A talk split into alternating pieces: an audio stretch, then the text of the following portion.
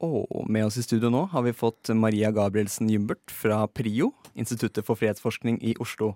Og anledning besøket fra deg er at Tyrkia nå har åpnet sine grenser og tillatt reise for flyktninger de har huset siden 2016, og avtalen de da smidde med Den europeiske union.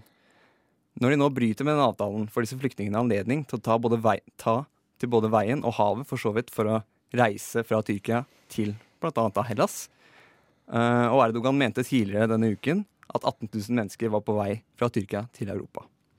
Og din forskning omhandler internasjonal lov og hva nasjonalstater og instanser sånn som Den europeiske union for eksempel, eh, er pålagt å gjøre for å motta disse flyktningene. Eh, hva er de viktigste punktene innenfor denne flyktningloven, da? Hvis du vil svare på det med en gang.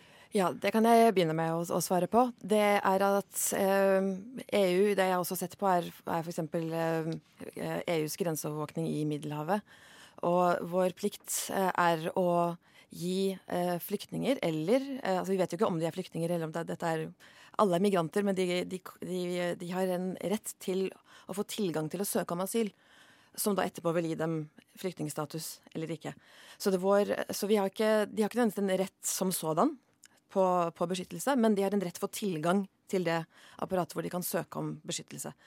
Og det er det, vi, eh, det er det Europa og EU på, mange måter hindrer dem når vi f.eks. For forsøker å, å, eh, dytte våre grenser ut da, og la uh, Tyrkia eller Libya for så vidt i den sammenhengen ta seg av den grensekontrollen. Så vårt, siden du spør om vårt, altså EUs ansvar, er, er, å gi de som kommer til Europa, tilgang til det til den mekanismen som er å søke om asyl.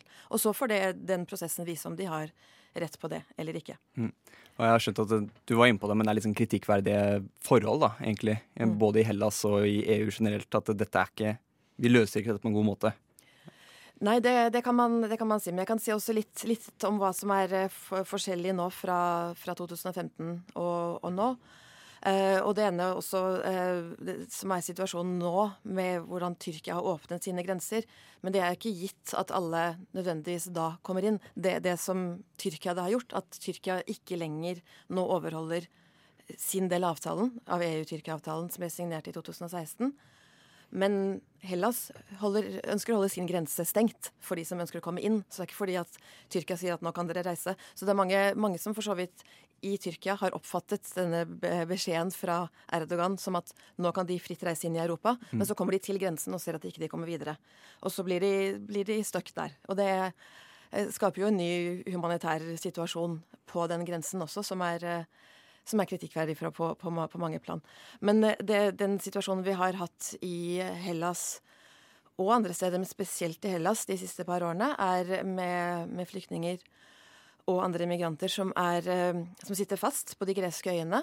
Og de som eventuelt har blitt tatt med til fastlandet, kommer ikke videre ut fra Hellas. Det som var situasjonen i 2015, var at mange reiste videre. Mens nå grensen ut fra Hellas til resten av Europa er, er, er stengt. Og det er også Hellas og EU sin måte å Øh, de, øh, de, ønsker med det å hindre at flere kommer til Hellas. For de som fleste ønsker å reise videre til Europa. Så de ønsker med det også ved at de holdes fast i Hellas, mm. som er en, er en, måte å, å, forsøke å få færre til at det er, De prøver å sende et signal med det, da, at, at færre skal komme til Hellas. Men situasjonen i Hellas, er, og spesielt på, på de greske øyene, er eh, svært bekymringsverdig. Og vi har sett en utvikling de siste par månedene med flere, flere som kommer til Lesvos f.eks., og flyktningleiren i Moria. eh, hvor forholdene er ja, eh, nesten ubeskrivelige. Og, og, det Så det er uh, ja, og, det er, og det folk har, må vente flere år nå på første, første asylavtale med de, de greske myndighetene.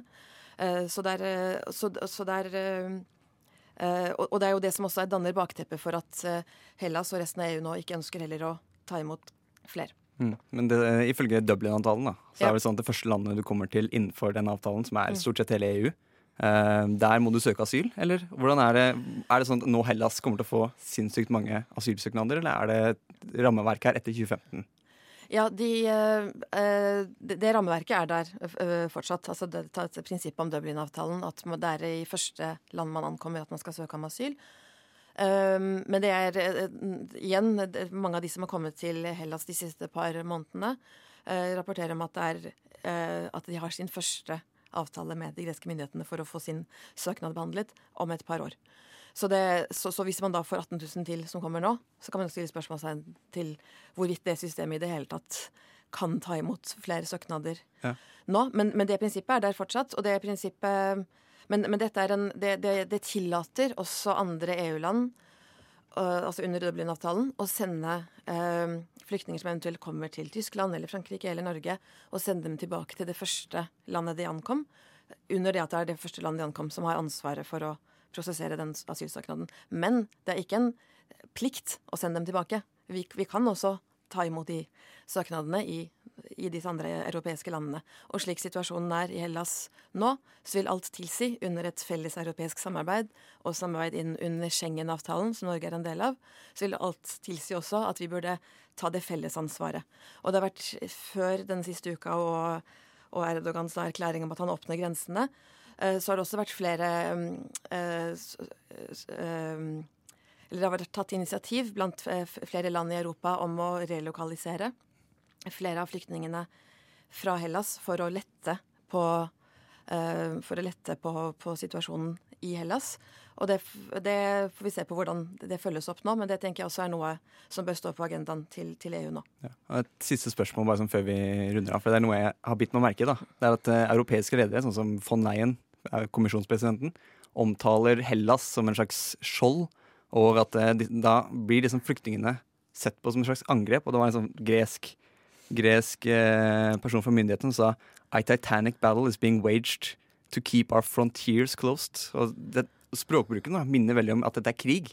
På en slags måte. Kan du bare kjapt uh, touche på det? hvis du ja, kan? Det er nok en, jeg tenker det er en refleksjon av at, at det oppleves nå som at Erdogan og, Erdogan og Tyrkia bruker dette som altså bruker flyktningene her som, spil, som spillbrikker i, i, en, i, en, konflikt og en spenning. Um, og et pressmiddel mot, mot, EU. Og da, da, blir det sett på nesten som at de blir brukt som et angrep. Og da, det viser vises i ordbruken der. Men det, det, viser også noe om eh, hvordan vi ser på beskyttelsen av våre grenser som eh, kontra det å gi beskyttelse til mennesker som trenger beskyttelse.